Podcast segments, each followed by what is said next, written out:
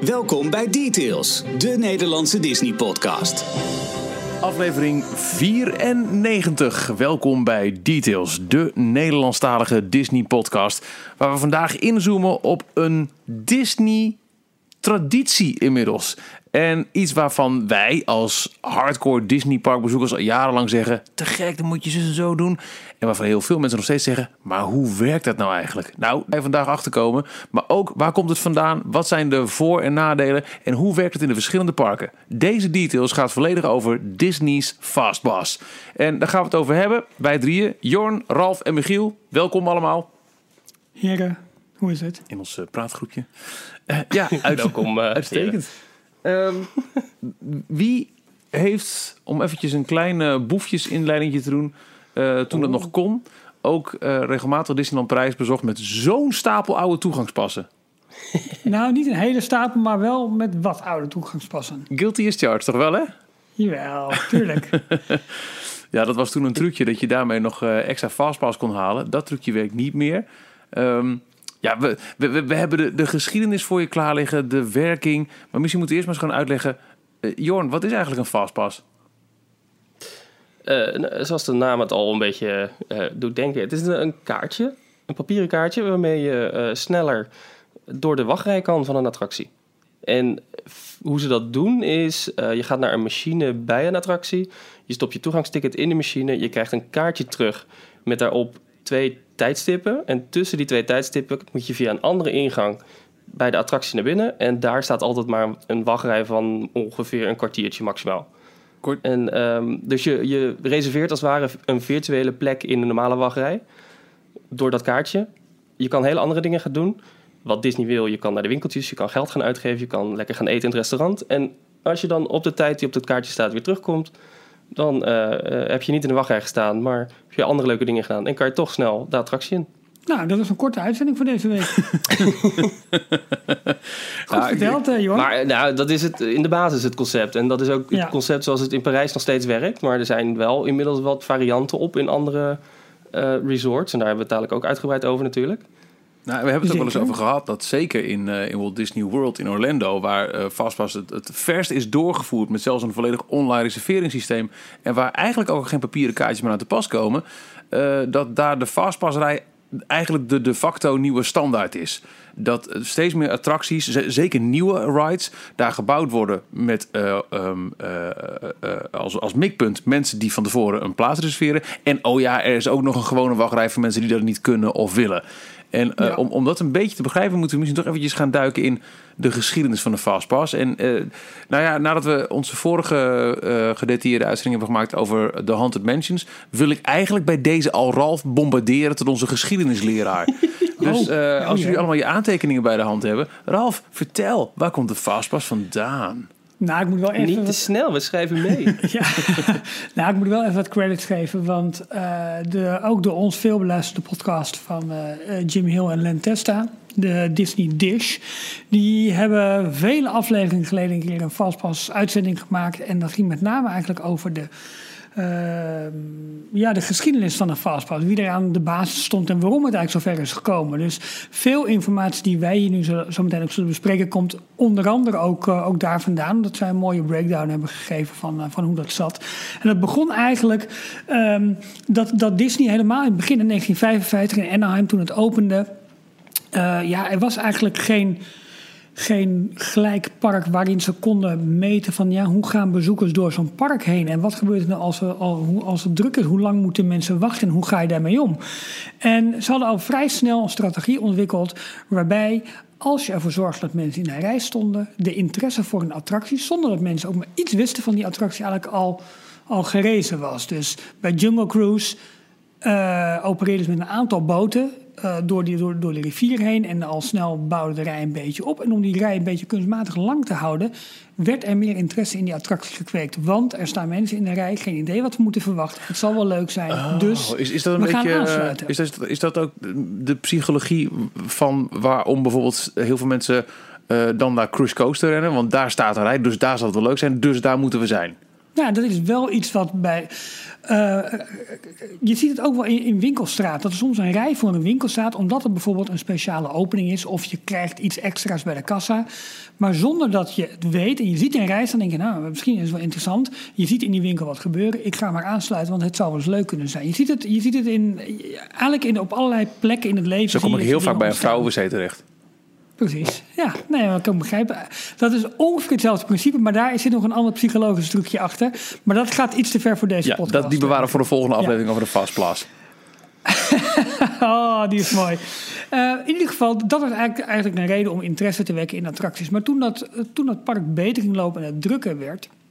ehm, eh, ja, moesten, ze, moesten mensen kwijt. Dus moesten ze attracties gaan, eh, gaan bijbouwen. En dat zie je eigenlijk de eerste manier waarop Disney met crowds omgaat. Dus hoe kunnen we veel mensen tegelijkertijd bedienen...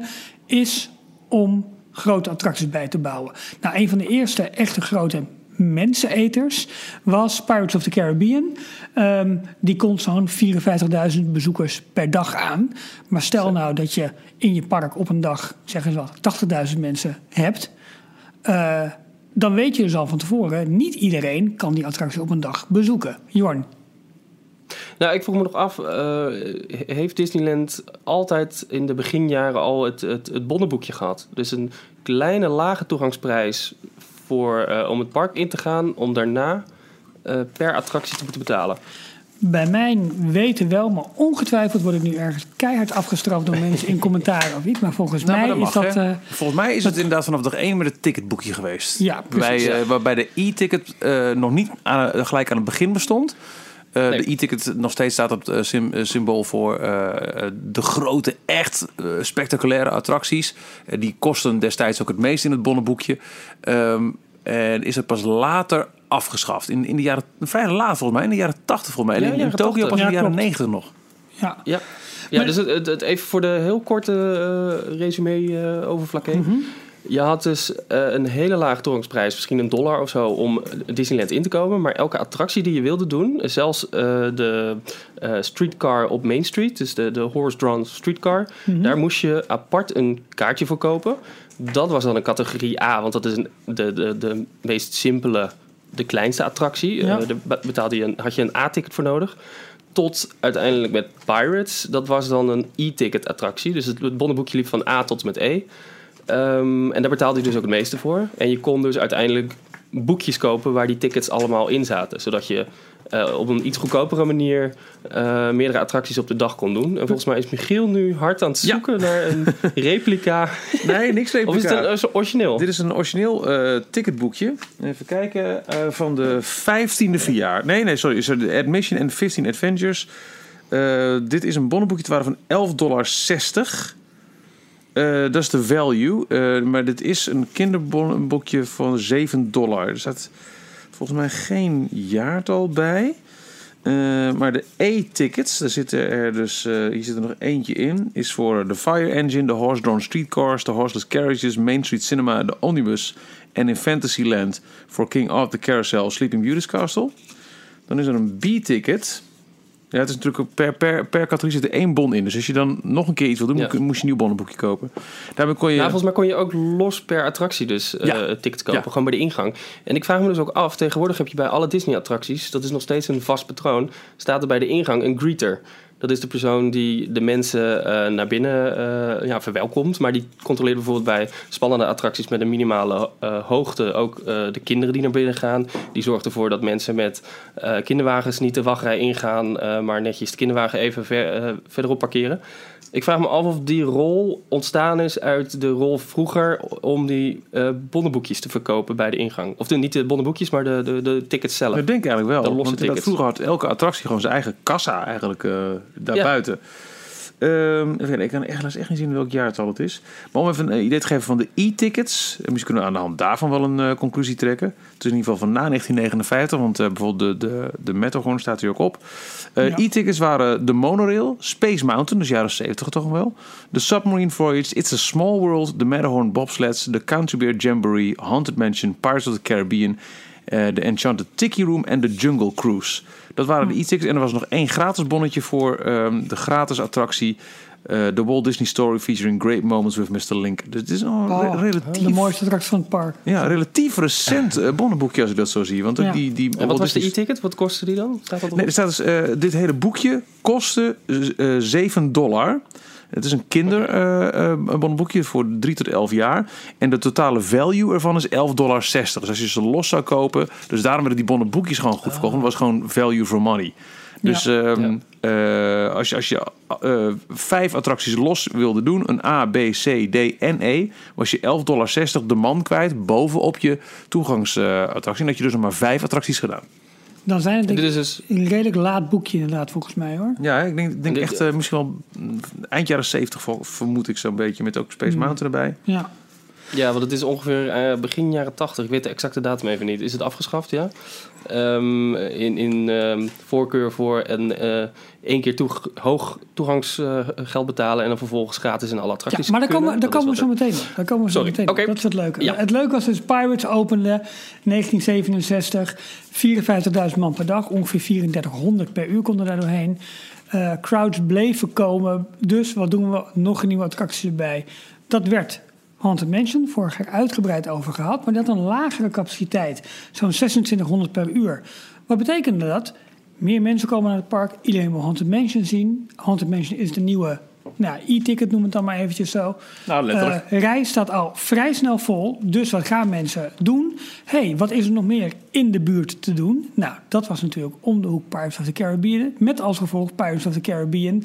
Wat eigenlijk Haunted Mansion had moeten, voor moeten zorgen... dat Pirates Caribbean, of the Caribbean een klein beetje ontzien zou worden. Het zorgde ervoor dat bij beide attracties het gewoon vol stond. Oftewel, het park werd drukker en dus. drukker. Ja. Daar kwam, kwam toen nog eh, Country Beer Jamboree bij. Ehm, eh, en op een gegeven moment zeiden ze, nou weet je wat, we gaan capaciteit bouwen, maar aan de andere kant van het park. Met in 1977 Space Mountain. Dus echt aan de andere kant van het park, zodat je ook meer spreiding kreeg. En dan ontstaat dus een beetje het idee, wat je nu ook terug, terugziet, dat ze met Fastpass dus bezoekersstromen kunnen gaan sturen. Dus ze willen ervoor zorgen dat je in elke hoek van het park echt een groot publiekstrekkers hebt. En daarmee je capaciteit van het park optimaal gaat benutten. Eh, een belangrijke quote daarbij eigenlijk is ook dat je je park dusdanig ontwerpt dat je 90% van de dagen eigenlijk daar goed mee uitkomt qua capaciteit. En ja, er is altijd 10% van de dagen met kerst, met Pasen, maar dat, dat, het overkap, dat, het, dat het zo druk is dat je over de koppen kan lopen. Maar so be it. En als je ook een beetje kijkt naar bijvoorbeeld Parijs, wat het meest recent eh, is eh, gebouwd van, van de kasteelparken, als je eventjes eh, Tokio en Shanghai niet meerekent. Ik, ik wil maar Parijs erbij pakken, dat, dat werd echt gebouwd eh, op, eh, op basis van de lessen die ze in Amerika hebben gehad. En ja, dat, dat werd bijgebouwd. Heeft eigenlijk elk land, behalve Fantasyland, wel zijn, zijn e-ticket eh, ride waar, eh, waar, waar mensen naartoe worden geleid. Zodat in ieder geval, in- wat je zegt, die spreiding is uh, in, in zekere prijs is goed te zien dat het is, uh, goed is toegepast. Ja. Maar het toont ook aan waarom Disney nog steeds heel veel waarde hecht aan juist de, de, de C en D ticketattracties. Dus de Dark Rides in Fantasyland bijvoorbeeld. Waarbij ze bij ieder nieuw uh, te bouwen park nog steeds zo'n type attractie ook toevoegen. Zeker. Een park met alleen maar e-tickets, alleen maar uh, snelle, hoge, dure, lange, grote attracties. Daar red je het ook niet mee. Je hebt juist ook een uh, carousel nodig en uh, wat omnibussen die heen en weer rijden over Main Street. Alleen, puur en alleen al om uh, die spreiding van de mensen nog beter ja. te maken. Zodat mensen, alle mensen iets te doen hebben. Ja, nou, en, en op een gegeven moment moet er gedacht worden aan een soort van systeem. Waardoor, hey, hoe kunnen we nou die attracties ervoor zorgen dat daar een optimale benutting van de capaciteit is. En, uh, en, en, hoe gaan we er gewoon voor zorgen dat mensen mogelijk uit, zoveel mogelijk uit hun dag kunnen halen. En het grote denken begint er eigenlijk op het moment dat dus, nou ja, je zei het net al Michiel, de ticketboekjes worden afgeschaft met de ABCDE-tickets en er overgegaan wordt, overgegaan wordt naar passports. Oftewel paspoort waarmee je gewoon één keer een toegangsbedrag betaalt, die wat hoger ligt, maar waar het vervolgens een all-you-can-eat buffet is. Dus ja. maakt niet uit hoe vaak je in attractie 1, 2 of 3 gaat. Je hebt, je hebt één keer betaald en dat is het concept wat we nu bijna in elk pretpark ook, uh, uh, ook zien. Je hebt een toegangsprijs en je kunt de hele dag doen wat je wil. Maar wat gebeurt er? Iedereen neemt de lekkerste gerechten van het buffet. Uh, Als een stel Russen dus, in de Dominicaanse Republiek. Pre, pre, precies. Dus de e-tickets die worden massaal bevolkt door mensen die again, again, again willen. Want ja, hey, het is toch gratis. En, uh, en uh, ja, daar wil ik ervan profiteren. Ja, we hebben ervoor betaald ook. En ja, nee, tuurlijk. Ja, maar dan hebben we ervoor betaald. dus dan, maar goed, je hoeft er dus niet extra voor te betalen om nog een keer te gaan. En uh, ja, de manier om dat dan op dat moment op te lossen is om de wachtrijen langer te maken. En niet alleen de wachtrijen echt een wachtrij te laten zijn, maar ook daar eigenlijk al de attractie te laten beginnen. Dus daar begint voor dus Disney... de pre-show als het ware. Precies. Om, om, om, om het verhaal van de attractie al vanaf de wachtrij uh, te laten beginnen. Nou, dat zie je bijvoorbeeld heel duidelijk in uh, Parijs bij Pirates of the Caribbean. Maar je ziet het ook in ja. um, Disneyland bij Indiana Jones uh, Indiana Jones Adventure. Dat is een wachtrij die je helemaal tot buiten het park leidt. Die is, ja, ik dacht, ik dacht iets van 800 of 900 meter volgens mij zelf, die, uh, uh, ja, die wachtrij. ja, het heeft, ook een, het heeft ook een praktische reden, want ze moesten mensen, ze moesten het showgebouw van Indiana Jones helemaal buiten, buiten de berm bouwen. Dus ze moesten de mensen vanuit Adventureland langs Jungle Cruise daar naartoe brengen. Ja. Maar ze hebben gelijk gebruik gemaakt van die mogelijkheid om ook meteen een enorm uh, verhalen vertellende wachtrij ervan te maken. Ja, klopt. Ja, klopt. En uh, hoewel dus de Disney Park echt heel hoog uh, ja, werden, werden aangeslagen, um, zie je dat er wel één grote klacht is. En dat is de wachtrij. Dus het park dreigt bij wijze van spreken door zijn eigen succes nou, niet ten onder te gaan. Maar dat is wel een ding. Hè? Als je naar Disneyland gaat, dan weet je gewoon, ik zal lang in de rij. En ook in, in Disneyland. Ja, maar eigenlijk elke grote pretpark toch wel. Als je naar toe Hellendoorn gaat op een doordeweekse dag, dan weet je, nou, dat zal er meevallen. Maar de Efteling ook. Ja, er is uh, een beetje hoofdseizoendag, dan weet je gewoon. Eh, bij een dag pretpark hoort horen, horen rijden. En dat, dat, dat, dat, dat lange wachten in, in rijen, dat drukt natuurlijk uiteindelijk je rapportcijfer van zo'n dag. En dus de kans op, wil ik nog een keer terugkomen naar dit park? Of was dit niet te doen, want ik stond alleen maar in de rij en heb niet, gevoelsmatig geen waar voor mijn geld gekregen? Nou, dat is eigenlijk een hele belangrijke reden. Want eigenlijk, hè, wat jij zegt, eh, Michiel, die, die, die klanttevredenheid en de wil van klanten om terug te komen naar je park. Uh, daarvoor is Fastpass eigenlijk ontwikkeld. En je moet dan eigenlijk nog een paar stappen, stappen teruggaan. Want uh, ja, begin jaren 70 komt er een zekere meneer Laval, Bruce Laval, komt bij Disney werken. En wel in, uh, in Florida, in, in Walt Disney World. En hij heeft, um, uh, ja, hij, hij was met name met simulaties bezig, met computersimulaties. En toen hij bij Disney kwam, werd eigenlijk gevraagd van... hé hey, luister, we hebben op dit moment vijf monorails op ons monorailsysteem um, rijden. Maar het is zo druk dat we een zesde monorail willen kopen. Maar daarvoor moeten we het management in Burbank, in, in Californië, willen we wel overtuigen. Kun je eigenlijk niet wat modellen maken waarin wij kunnen aantonen dat wij een zesde monorail nodig hebben? Nou, meneer Laval ging aan de slag. En uh, die deed zijn metingen en die denkt, nou, die nog in zijn ogen van wacht even, ik zie hier niet goed wat ik, wat ik hier nu waarneem. Ik doe het nog een keer en nog een keer. En wat blijkt, Disney, of, uh, Walt Disney World heeft niet uh, zes monorailtreinen nodig, maar ze hebben er vier nodig. Want met vier kunnen ze de capaciteit veel beter Um, uh, gebruiken en, en dus de capaciteit. Dus minder. Op, hij, hij wilde aankloppen voor één extra, want we halen het Klopt. niet. En zijn berekeningen, daar blijkt dat het juist met één minder af moet. Klopt, want wat blijkt, als je meerdere treinen op de track hebt, die gaan op een gegeven moment afremmen als ze dicht bij elkaar in de buurt komen. Dat zorgt voor een soort van files. Dat zorgt ervoor dus dat het systeem niet optimaal gebruikt wordt. Leuk linkje nu natuurlijk naar de veiligheid die nu in het geding is bij de monorail. Uh, met, met de opengaande deuren, de crash van een aantal deuren dicht zitten, zijn ze Precies, en de crash van een aantal jaren geleden. Maar dat was dus het feit dat, hé, hey, wacht eens eventjes. We hebben hier dus iemand nu aan boord die met dit soort modellen eigenlijk precies kan berekenen van wat de capaciteit, of de optimale capaciteit eigenlijk van, nou in dit geval het monorail systeem is. Nou, die man werkt zich vervolgens redelijk snel op in... Maar hebben ze het ook gedaan? Hebben ze het doorgevoerd? Hebben ze één monorail eruit gehaald? Dat is een goede vraag, Jorn. Ik sta gelijk met mijn bek vol tanden. Ik denk, gezien zijn carrière, dat ze dat gedaan hebben. Dat denk ik, ja. ja. Als, je, als zulke overtuigende argumenten hebt. Precies. En management die uh, efficiëntie, uh, voor minder geld. efficiëntieslag kan doorvoeren, ja. die voor minder geld, die, vind, die doen alles. Ja, dus. Tuurlijk, tuurlijk. En uh, hij, hij klimt dus vrij snel op en hij wordt op een gegeven moment voor allerlei dingen gevraagd. Hey, hoe kunnen wij de capaciteit in de attractie X, Y, Z optimaliseren. Hoe kunnen we de restaurants zo goed mogelijk bezetten?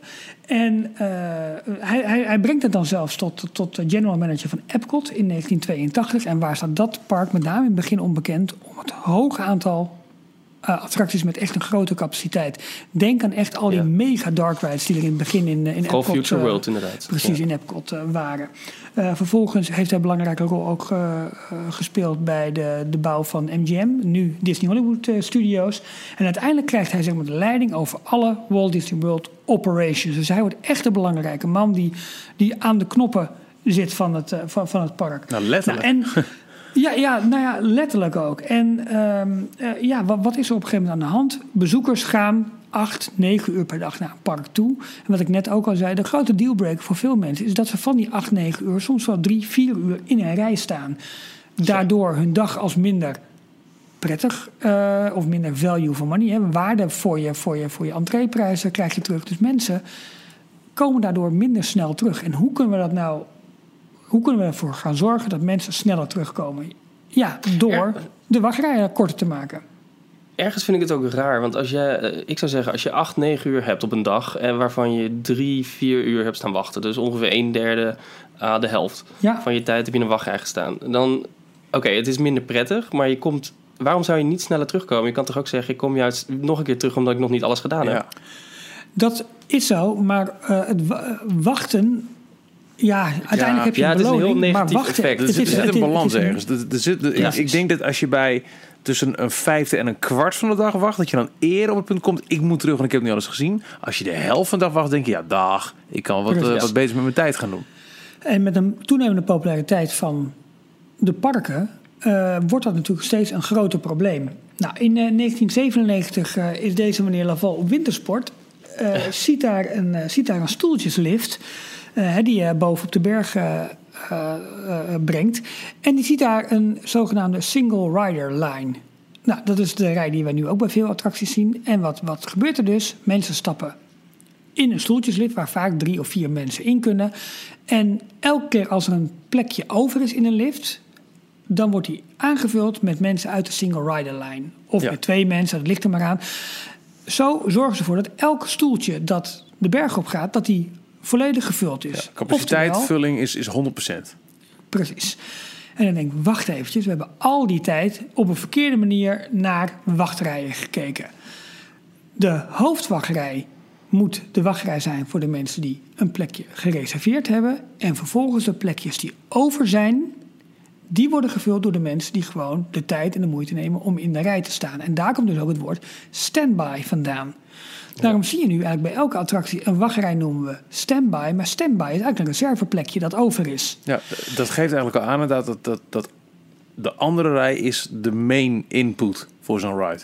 Precies, precies. Dus de gereserveerde rij zou eigenlijk de belangrijkste rij moeten zien. Daar kun je vervolgens, ten eerste heb je daar de grootste klanttevredenheid mee. Maar ten tweede weet je als park ook exact waar je aan toe bent. Dat, Ik vraag me af of het, het merendeel van de bezoekers doorheeft dat de normale wachtrij, die wij allemaal als normaal Mhm. zien, daar staat wel overal standby boven bij de ingang. ja. En met het aantal minuten erachter. Maar ik vraag me, voor mij heeft niemand door dat dat de reserverij is, Nee, zeg maar. ik denk, Nee, dat heeft een hele Dat andere... ervaar je ook helemaal Ik, niet. ik weet niet wat jullie ervaring is, maar als je, ik heb het nog geen twee maanden geleden gehad dat ik iemand eh, op weg kon helpen met een bezoekje naar Disneyland Parijs. Bijvoorbeeld met, met de tipguide die we hebben staan op dcplog.nl. En dat ik dan uitleg, maar denk even aan die fastpass, vergeet het niet. Oh, oh wat handig, ook had Als ik jouw uitleg niet had gehad, had ik het echt nooit gedaan. En dan had ik heel veel tijd weggegooid. Voor heel veel Ja. mensen is het nog steeds een onbekend fenomeen. En is dus de standby. Je, je, je staat gewoon in de rij voor een attractie, punt.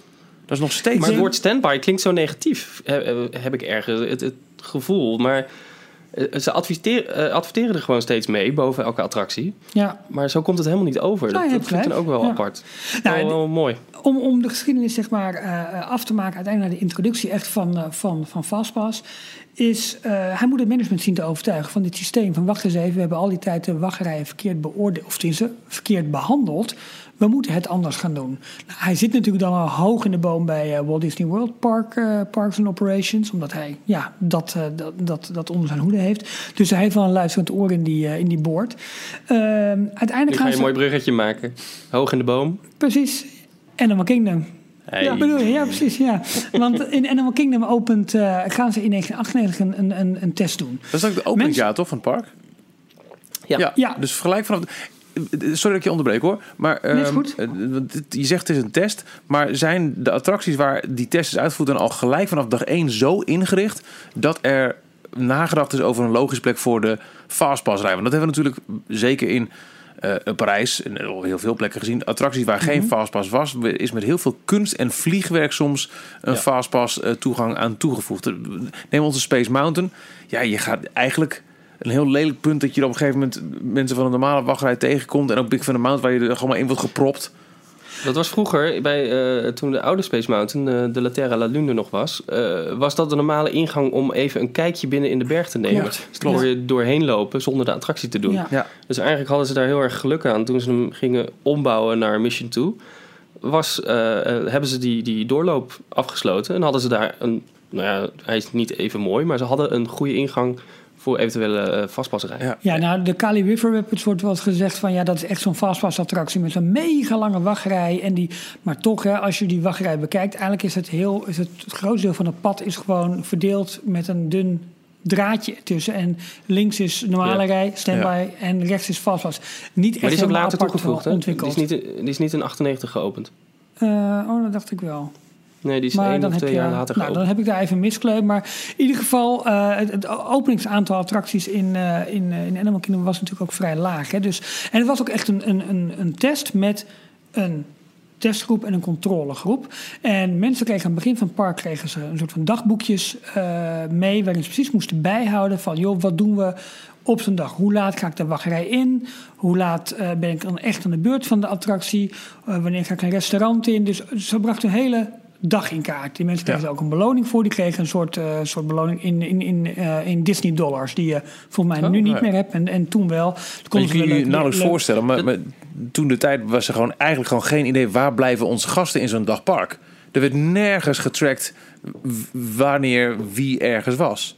Ja, precies. En, en, en eh, daarmee kregen ze dus inzicht. Een andere Ze, groep... ze doen dat nog steeds, dat controleren, trouwens. Eh, hebben jullie wel eens bij de ingang Zeker. van een attractie zo'n wit eh, plastic kaartje Ja. gehad? Ja hoor, die Met een lanyard? Ergens thuis liggen, je- denk ik. Oh, die heb je meegenomen. ja. Want het is de bedoeling dat de, de, de Die, die, medewerker bij de ingang... van vier jaar en drie weken. Ja, klopt. Nee, die, daarmee, die scannen ze bij de ingang. En dan is de bedoeling dat zodra je aan de beurt bent... eh, dat jij dat pasje weer afgeeft bij de medewerker die bij, eh, bij het voertuig staat. En die scant hem ook. En dan zien ze hoe lang jij op dat moment in de wachtrij hebt, eh, hebt gestaan. En dat gebruiken ze als test om te zien of de afgebeelde wachttijd klopt met, met de werkelijkheid. Ja, precies. Ja. Het zijn gewoon steekproeven die ze eens in de zoveel tijd doen. Ja. En, maar de, de, controle, of de, de, de daadwerkelijke testgroep, zeg maar, die kreeg dus eh, ook zo'n dagboekje mee. Maar die kreeg ook een kaartje mee die ze bij, aan het begin van de wachtrij van sommige attracties konden laten zien. Nou, op dat moment keek de castmember van, nou, leuk dat je er bent. De wachtrij is op dit moment 40 minuten. Ga jij wat anders doen? En over 40 minuten kom je terug. En op dat moment, als ze terugkwamen, werden zij gelijk naar eh, het instapstation gebracht en konden ze gelijk instappen. En in de tussentijd Dus- konden ze bijvoorbeeld winkelen of eten, dat in het dagboekje invullen. en aan de hand daarvan precies. kon Disney zien, zoveel extra waarde levert zo'n dag op. Precies. Toen zagen zij Disney dollars. Ja, en, en eh, toen hebben ze na een week of zes of acht hebben ze die mensen opgebeld. Van hé, hey, luister eens, je hebt meegedaan aan de test. Eh, Hoe heb je het ervaren? Die mensen waren dol enthousiast. En die waren eigenlijk verbouwereerd dat dat nog niet in andere parken zo geregeld was. Hebben hun vrienden daarover verteld. Van luister eens, als je naar Disney gaat, je kunt daar een rit reserveren. En het is, het is een fantastisch systeem. Oftewel, die eerste reacties zijn echt heel erg goed. Nou, dan gaat Disney het uitwerken. En uiteindelijk in april 99 gaan ze het ehm, ook in, eh, in Disneyland in Anaheim eh, testen. Hey, op eh, maar even? Mountain. Is, de, de fieldtest was dus in 1998. Ja, Dus wij wisten natuurlijk al aan het begin van deze eh, podcast dat we dit deden omdat de Fastpass dit jaar 20 werd. Toch? klopt. Ja, oké. Ja, nee, Nee, absoluut. dan, dat is ook de reden. Hey, sure. En vervolgens wordt het eh, na Disneyland wordt het ook in Magic Kingdom. eh, en uiteindelijk gaat het in 2000 wordt het een Walt Disney World wide uitge- uitgerold vanwege de Millennium viering. Oh, En wij zijn ook snel daar. eh, ik Ja. dacht dat wij ook ergens in 99 of 2000 eh, in Parijs dan eh, de eerste Fastpass attracties kregen. Ja, het grappige is dat het patent voor Fastpass pas in augustus 99 is eh, gefiled. Ik neem aan dat dit dat dus al eerder is ingediend en dat het een tijd duurt voordat alles wordt goedgekeurd. Maar eh, dat is dus pas van augustus 99. Maar er zit eigenlijk, als je in Disney-termen bekijkt, eerste test 98 Animal Kingdom, eh resort brede uitrol, twee jaar later, vind ik best snel voor zo'n soort systeem. Ja. Maar goed, in die beginjaren, en dat hadden we in, eh, net al eventjes eh, helemaal aan het begin van deze podcast ook aangehaald, waren er heel veel manieren om het systeem flink eh, in de maling te nemen. Zo was er bijvoorbeeld, waar we net zeiden in, in Parijs, en ik denk ook wel in andere parken, maar van Parijs weten we uit ervaring, dat als er maar een Disneyland toegangspasje in die fastpassmachine werd gestopt, kreeg je een fastpass terug. Dus als je op een gegeven moment een hele stapel van die, mooi, echt die mooie plastic creditcardachtige toegangspasjes had, dan kon je met, eh, nou ja, weet ik hoeveel fastpasses rondlopen. Terwijl voor de gewone bezoeker, als ze het systeem überhaupt al snapte, was er een eh, limiet van maximaal één fastpass op zak per keer. Klopt. En dat hebben ze eigenlijk. eh, en, en, en dan was het ook nog eens een keertje zo. je had één vastpas per keer. Op het moment dat die gebruikt was, kon je een nieuwe gaan halen. Of als er een eh, twee uur tijd was verlopen. Dus stel om Ja. 11 uur 's ochtends haal jij een fastpass. Die is om 12 uur, tussen 12 en 1 geldig. Dan kon je bij wijze van spreken, eh, zodra je wat ingeleverd bij een attractie, kon je gelijk weer een nieuwe fastpass daarna gaan halen. Of als jij een fastpass had die, maar, die pas drie uur later inging, kon je na twee uur alweer een fastpass erbij gaan halen. Ja, dus, oh ja, dus Ja. Je, kon, je kon wel in, in bepaalde scenario's meer dan één fastpass op zak hebben. Excuus. Ja, ja. klopt. Volgens mij is dat, dat systeem is ook in Parijs nog steeds van kracht. Dat er, eh, dat er zo'n window Ja, is klopt. waarin je eh, geen nieuwe vastwas mag halen. Dat zie je eigenlijk wereldwijd, dat het eigenlijk overal twee uur is. In de Aziatische parken komen we zo meteen op, is dat een klein beetje anders. En in, in Anaheim is dat inmiddels ook anders met, eh, met, In met, anders, met, ja. met MaxPass. Maar dit is zeg maar de, de, de basis. Er is een window van twee uur. Of als, al, als het moment zich eerder voordoet dat jouw eh fastpass al ehm, eh, ingeleverd kan worden, dan is het daarna. En kennen jullie ook Maar de- eh, de, de... Sorry, Jordi, was eerder. Nee, ik wilde zeggen, er is nog een andere, eh, een ander nadeel waar de normale bezoeker vooral boos om werd. Want ze dachten dat het een eh, betaalde dienst was. Veel Precies. mensen wisten gewoon niet wat het was, Ja. hoe het gebruikt moest worden. En eh, Disney kennende, of de mensen kennende, eh, kenden Disney, die dachten natuurlijk: hé, hey, dat zal wel weer iets zijn waar ik eh, extra Disney-dollars voor neer moet leggen. Ja.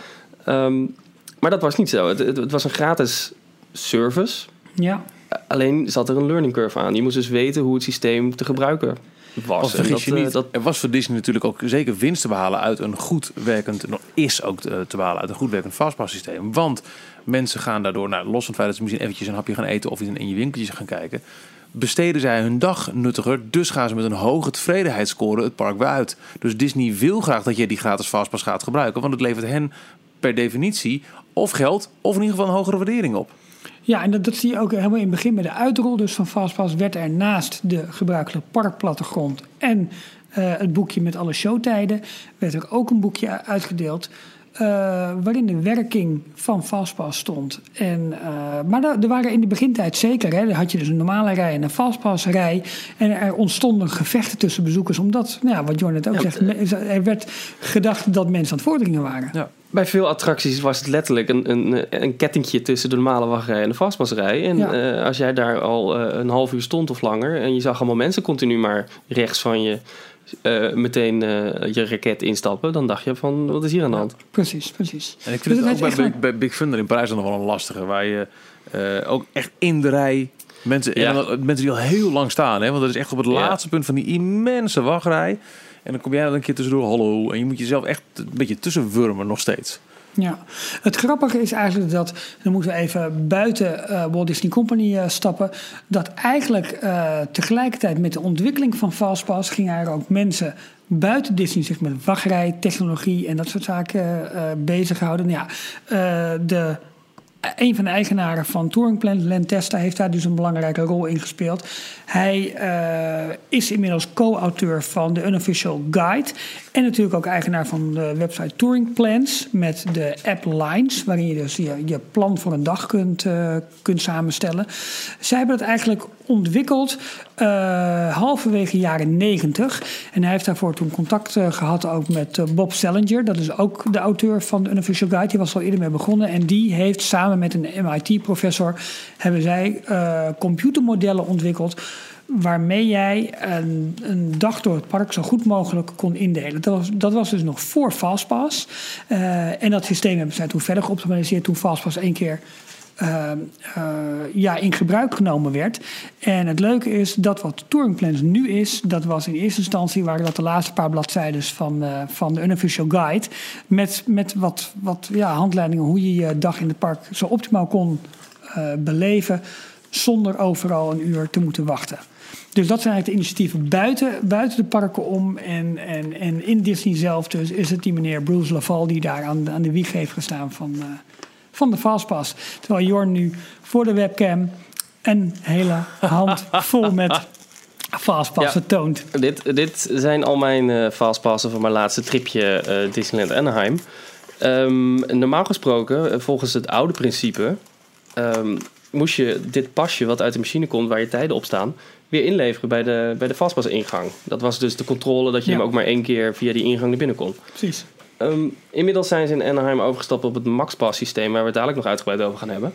Wat als voordeel heeft dat eh, zelfs eh, de, voor de normale bezoekers die niet gebruik maken van het MaxPass systeem, dus via hun mobieltje fastpasses reserveren, maar je gaat gewoon met je toegangsticket naar de machines toe, dan krijg je nog steeds een kaartje. Alleen de reservering, de fastpass zelf, die wordt gelinkt aan je toegangsticket. Dus zodra je de fastpassrij daarin wil in Anaheim, dan eh, moet je de barcode op je toegangsticket scannen. En het, het kaartje wat je uit de machine krijgt, dat is, je, eh, dat is gewoon een, een leuk souvenir. Ja, een, een, Ja. en- Want dat en zijn nog een steeds ook dat je de tijd ook op papier hebt van, eh, joh, denk eraan, dit is hem, maar je hoeft hem niet meer in te leveren. Maar ja, we ze hebben zijn nu... per attractie geteamd. Ze zijn helemaal aangekleed natuurlijk per... eh, dus zelfs Guardians of the Galaxy eh, heb ik er een paar van. en dan vet. ook mo- speciale Monsters After Dark eh Fastpass. Tof. Nou, we, horen nu al een paar verschillende termen langskomen. Hè? Fastpass, MaxPass, je hebt Fastpass Plus. Je hebt in, eh, eh, in Shanghai heb je, heb je nog een, ehm, eh, een variant, dat heet Premier Access. Kortom, er zijn verschillende varianten. En misschien is het goed om, nadat we de historie zeg maar, hebben afgesloten... Ja. om even een, een rondje langs de resorts te maken... en te kijken van jongens, hoe is het systeem, hoe wordt het systeem daar gebruikt? Hoe heet het? En wat zijn ja, misschien ook wel de hacks die wij, eh, die wij onder andere uit eigen ervaringen kennen? En eigenlijk een van de ehm, ja, meest simpele of basale implementaties kennen we onder andere in eh, Parijs. En het meest spannende daar op dit moment aan de, aan de hand is dat er wellicht wordt overgestapt naar een RFID-achtige pas. Eh, de eerste stapjes eh, zijn genomen om bijvoorbeeld met je hotelkamer en je fastpass... Ja, ook een plastic kaartje te gaan gebruiken eigenlijk. Maar dat staat allemaal nog een beetje in de kinderschoenen. Ja. Op dit moment is als je naar Parijs gaat, en ik denk dat het voor veel mensen die naar details luisteren, toch de meest voor de hand liggende bestemming is nog steeds. Heb je eigenlijk nog de old school fastpass. Dat betekent dat je met je toegangskaartje bij verschillende attracties in beide van de twee parken een, eh een fastpass kunt halen waarop een terugkeertijd staat. Eh, wat we nog niet hebben. Belangrijk, eh, Sorry. saillant detail Ja. daaraan is dat het toegangsticket geactiveerd moet zijn. Dus je, dat is een, een nieuwe toevoeging sinds enkele jaren. Ja. Dus je moet daadwerkelijk dat pasje die dag door de eh, toegangspoortjes van het park hebben gehaald. Exact. Dan is die geactiveerd voor dat park voor die dag. Ja, en daarmee Dus is het ook Michiel- gelijk die hele hack van die Ja. oude toegangskaartjes Ja. out the window. Precies. Ehm, wat we ook nog niet hebben benoemd, en het, het is misschien logisch als je erover nadenkt, maar misschien denk je, huh? Eh, het kan ook zijn dat voor een attractie de fastpass gewoon op is. Ja, oh, dat gebeurt heel snel. Maar hoe kan het dan? In, in Parijs voornamelijk. Hoe kan dat? Ehm, nou, een, een attractie heeft een, ehm, eh, een capaciteit per uur. Daar heeft eh Ralf het net al onder andere over gehad bij, eh, bij eh, Pirates of the Caribbean en Haunted Mansion. Pirates of the Caribbean had 3200 man per uur. Ja, in begintijd zelfs 3400. Ja, oh ja. Nou is dat misschien een slecht voorbeeld, want daar is geen fastpass. Maar eh, elke attractie heeft een, een eh, uurscapaciteit. En eh nou, hadden mensen in de bijvoorbeeld wel. Ja, ja, ja, ja, maar in Parijs niet. Ja. Het, het vastpassysteem die neemt een, een percentage van, eh, van die capaciteit.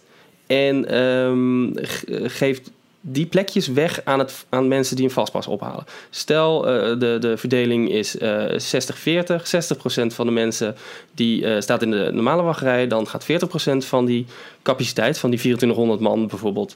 die, die kunnen dan een, een vastpas halen voor een bepaald timeframe. Dus een, een, een half uur wat continu verschuift. Zijn al die kaartjes op, dan verspringt de fastpass eh timeframe naar een, een, eh, een kwartier of vijf minuten later of een kwartier later. In ieder geval naar een volgend timeframe. Wat eh, ervoor kan zorgen dat in de ochtend, als iedereen continu achter elkaar maar fastpasses eruit blijft halen, dat de timeframe steeds op blijft schuiven.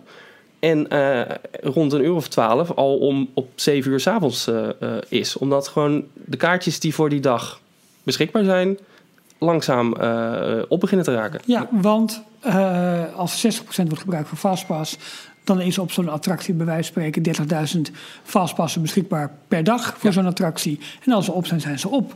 Want de overige 24.000 die zijn gewoon voor ehm, eh, standby bezoekers.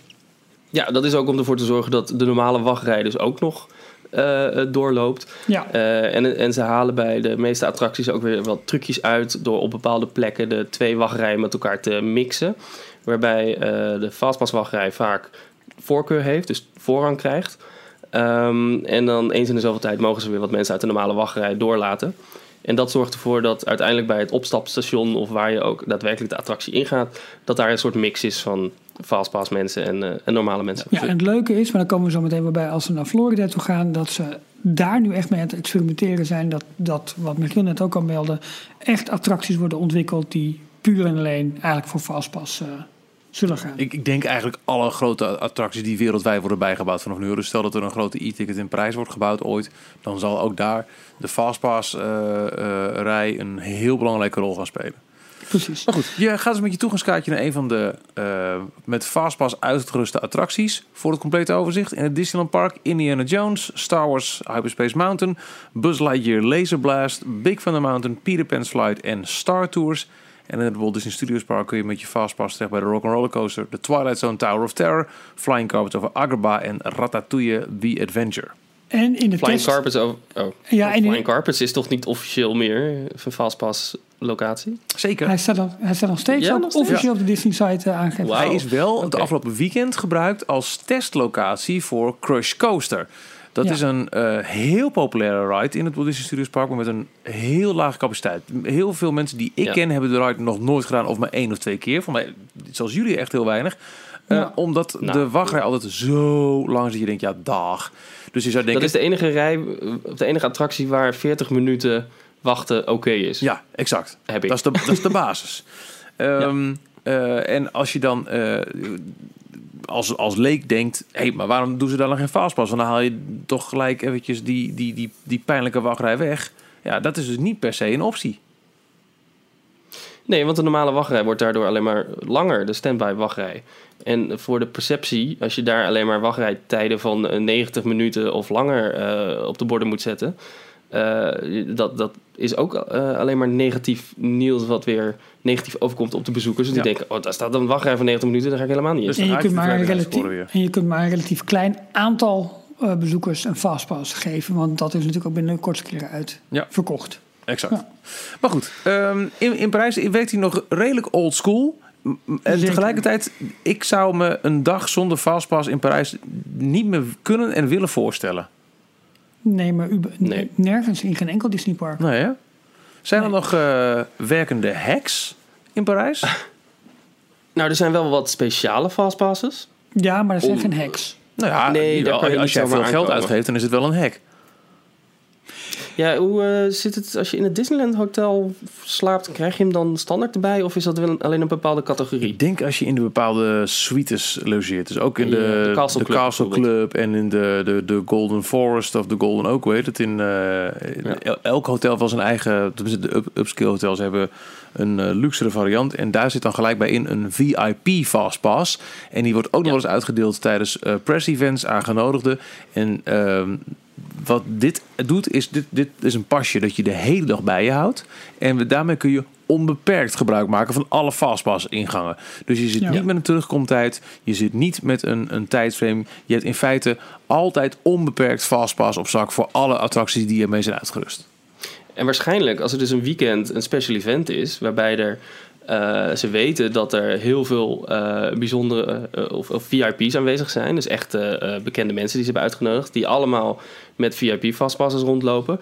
Dan tweaken ze de cijfertjes van alle attracties iets naar beneden. Zodat de machines minder vastpassers uitgeven. Want anders krijg je weer te veel mensen die via Ja. die zon buiten het systeem om zeg maar, naar de vastpasingangen gaan. Of- dus daar, zijn ze continu natuurlijk. mee aan het... eh, ja, Ja, maar of, of het Ja, moment dat, dat, er, dat er bijvoorbeeld eh, in plaats van eh, drie, vier treinen rijden op een, op een achtbaan, of andersom, hè, in plaats van Ja. vier, drie, dat betekent dus ook minder capaciteit. Dus daar moeten ze gewoon aan de knoppen gaan. eh, gaan eh, ja. En die knoppen, die, Gaan in, ieder geval in Parijs, die knoppen die kunnen ze vanuit de centrale eh, locatie eh, eh, regelen.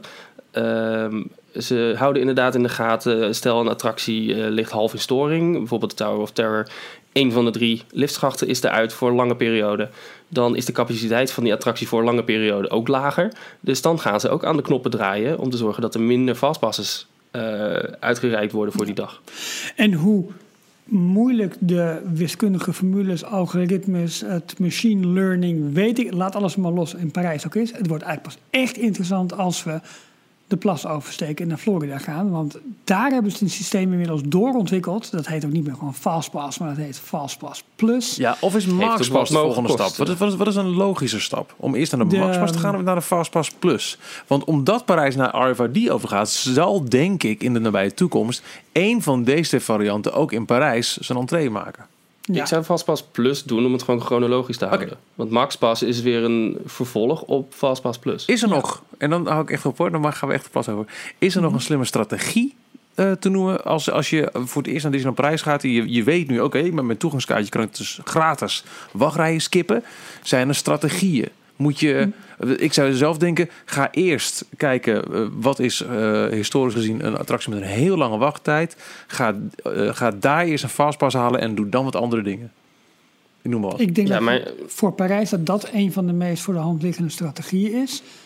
Maar een- daarbij kun je ook zeggen, probeer die attractie als eerste te doen, zonder Fastpass, Nou ja. terwijl je al een andere Fastpass hebt gehaald. Ja, dat is ook. Ik zou vooral de eh, tip willen geven bij, voor Big Thunder Mountain en Twilight Zone Tower of Terror. Haal daar je Fastpass. Wacht daar niet te lang met het halen van je Fastpass. Want Nee. zeker op drukke zomerdagen eh, in het weekend... eh, zijn dat twee attracties die heel snel door hun totale voorraad Fastpasses heen zijn. En Peter Pan. Dat zijn ook de attracties waar je... Oh, Peter En Pan dat ook. doe je ja. denk ik inmiddels ook wel. Maar daar heb je nog eventueel de single riders line als, als, als escape route. Ja. Die ken ik niet goed genoeg om dat hele systeem... Ik heb in ieder geval de, de Tower of Terror vaak genoeg eh, meegemaakt... dat al halverwege de dag, eh, een uur of twee, drie... dat daar de fastpassmachines eh, weer op slot gingen... omdat, eh, omdat ze allemaal weg waren. Ja. En kijk even om je heen. Als je met, eh, stel je hebt een fastpass voor de Tower of Terror die ehm, eh, om, om twee uur geldig is. En je gaat daar om, eh, dus om, om twee uur mag je hem gebruiken. En je loopt er om tien over twee of kwart over twee heen. Haal dan eerst nog eventjes een fastpass als die er nog is voor bijvoorbeeld eh Droger Rollercoaster. En ga dan pas met je inmiddels Ja. geldige fastpass de Tower of Terror in. Zodat je alvast voor de volgende eentje op zak hebt. En niet pas nadat je die attractie hebt gedaan een volgende gaat halen. Op die manier druk je ook een beetje je eigen tijden meer in elkaar. Dat zijn denk ik wel de Let, tips. ja, let ook goed op, maar ik denk dat de, de meeste luisteraars dat wel weten van ons... dat er wel echt een tijd op je fastpass, fastpass ticket staat. Want eh, mocht dat namelijk niet zo zijn... mocht je al voor een andere attractie bijvoorbeeld een fastpass hebben... dan komt er uit de machine wel een kaartje... maar daar staat met grote dikke letters eh, niet, eh, niet geldig. Non-valabele staat daarop. Dat is geen geldig fastpass ticket. Nee. Er zijn genoeg mensen die proberen om met dat kaartje in handen gewoon naar de ingang te gaan. Oh, ik kan toch naar binnen, ik heb een vastpas, ik heb een vastpas. Lees altijd wat erop staat en eh, check even of de, of de tijd klopt. Oh, en, en, en qua terugkomtijd, het is nooit dat je eerder wordt toegelaten. Dus stel je vastpas gaat om twee uur in, mag je om vijf voor twee echt niet naar binnen. Maar het wil nog wel eens gebeuren dat als je vastpas om vier uur afliep, dat je om vijf over vier nog wel naar binnen mag. Dus aan de voorkant nooit, aan de achterkant soms wel. Maar doe jezelf een lol, Ja, probeer gewoon binnen het tijdsframe geworden, te dacht ik, Ja, ja. exact. Goed, de plas. En eh, nog een, een kleine Sorry. tip. eh, kijk ook altijd op het ticket zelf. Je hebt dan het, de, de twee tijden. En daaronder staat in kleinere letters... eh, een volgende fastpass zal beschikbaar zijn vanaf. En daar staat het tijdstip op... waarin, van wanneer je weer een, eh, een nieuwe fastpass kan halen. Bijvoorbeeld in het geval Big Thunder Mountain. Stel je bent te laat, het is al eh, rond 11 uur, 12 uur. De, ticket, de fastpass tickets die op dat moment uit de attractie komen... zijn al voor 7 uur, 8 uur 's avonds. Dan hoef je niet te wachten tot 8 uur voordat je het volgende vastpas kan halen. Maar dan staat daar op dat ticket onderaan al de tijd, dus die window van 2 uur, vanaf wanneer je een volgende vastpas mag Ik heb nu halen. letterlijk een voorbeeld uit, eh, uit Anaheim DCA. Eh, ik zie helemaal rechts onder indruk deze fastpass heb gehaald om 9 uur 48 's ochtends. eh, voor de Radiator Springs Racers. En die is geldig tussen 10 over 1 en 10 over 2. Maar twee uur na ophalen, 11 uur 48 staat er al, is er een other fastpass selection available. Dus ik kon al ruim een uur voor ik deze kon gebruiken een nieuwe halen. En daarmee dus nogmaals efficiënter omgaan met mijn tijd. En dit is uniek. Ik heb eentje van Matterhorn. Eh, die heb ik gehaald om, eh, wat heel raar is, het staat in militaire tijd 21.04. Nou, 5 over 9. Mhm. Geldig voor kwart over 9. Ja, Wauw. Ja, in Anaheim, Dat daar tien minuten hebben. Anaheim is, Ja. is nog lekker, lekker, lekker te doen met, eh, met de Maxpas. Maar goed, Ja. we gaan de, va- de, de, de plas over. eh, de Fastplas over eh, voor Fastpass Plus. En dat is een gigantisch systeem. En als je ooit naar Walt Disney World gaat, lees je in, want dit wil je weten. Zal ik heel kort de, de basics van het systeem uitleggen? Heel kort. Ja, Succes. Ik probeer het. Fastpass Plus is een systeem dat, Mand! goed, dat gekoppeld is aan je. My Disney Pas. account. En voor bezoek aan Walt Disney World maak je eigenlijk een My, Di- My Magic Plus Experience.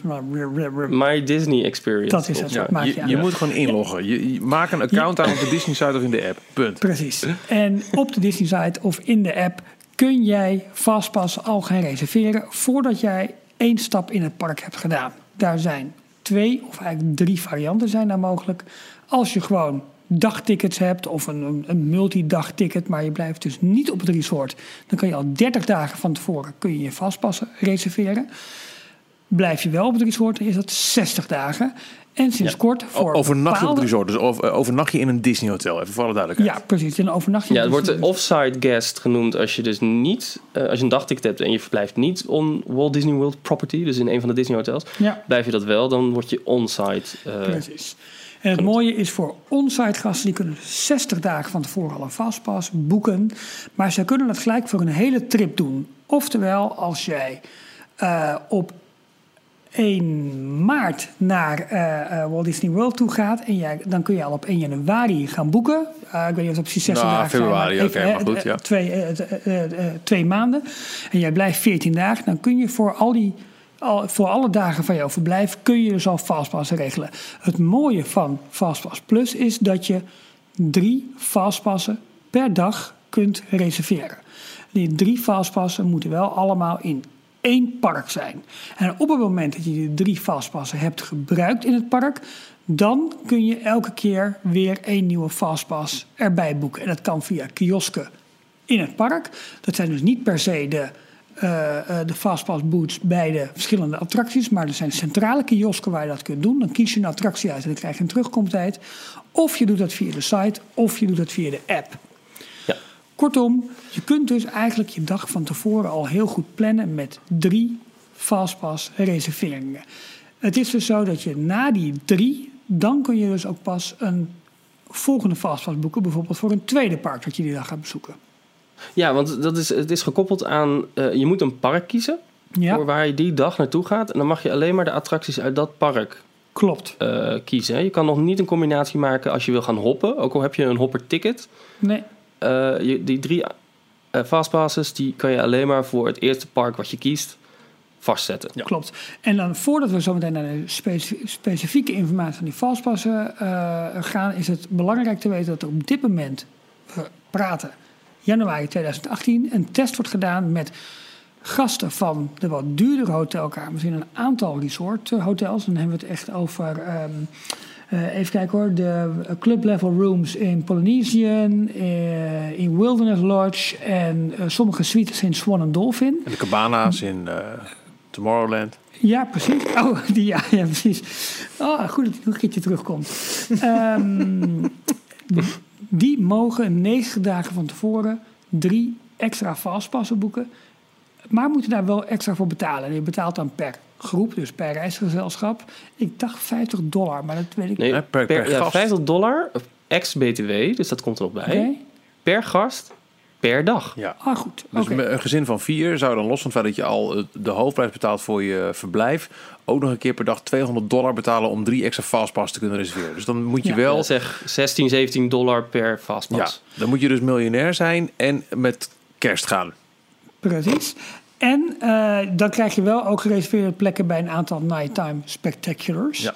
Nou, Ehm, ik mag... eh, Maar het, het grappige is dat die fastpass dus weer niet geboekt kunnen worden via de app, via de website. Maar dat moet je van tevoren bij een boeking gelijk vastleggen. Dus het Duidelijk. zullen dan waarschijnlijk ook fastpassen zijn zonder eh, tijdstip, maar gewoon zeg maar even een VIP fastpass voor drie attracties.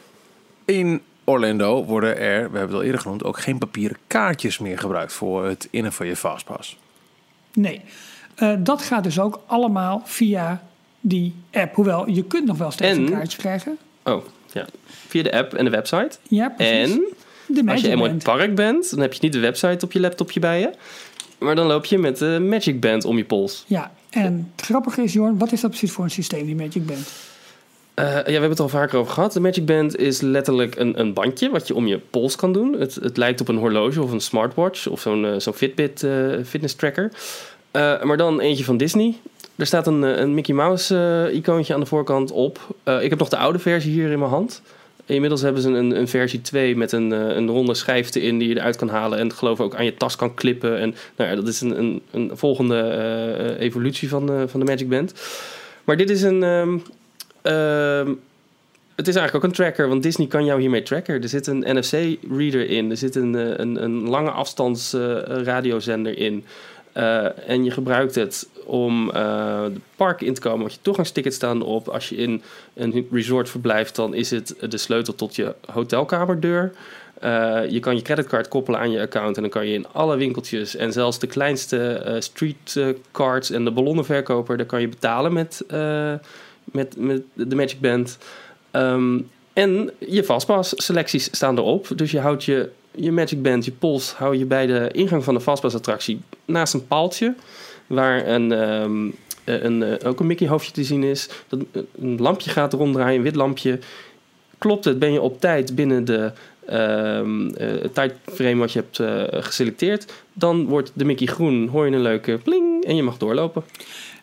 Eh, ben je niet op tijd, dan wordt hij rood. Dan mag je niet doorlopen. Nee. Maar er zijn ook nee, blauw. hij wordt Oh, nooit sorry, rood. blauw, pardon, pardon. Rood is een te Eh, negatieve pardon. connotatie. Ja, pardon, pardon. Ja. Maar er zijn ook wat... En sommige mensen, de mensen die daar staan, die kunnen je soms ineens begroeten. Die zeggen dan, eh, hi Ralph, have fun. Ja, dat is Want zij zien jouw naam. eh, Maar er zijn ook wat aparte kleuren. Eh, ik heb ook een, een, soort, een soort regenboogachtig eh, patroon dat dan komt. Maar dat kan denk ik te maken hebben met als je bijvoorbeeld jarig bent of dat soort systemen. Dus dan geef je nog een keertje wat Ja. anders aan. Oh, wauw. Dat, is, eh, dat, is, dat is leuk.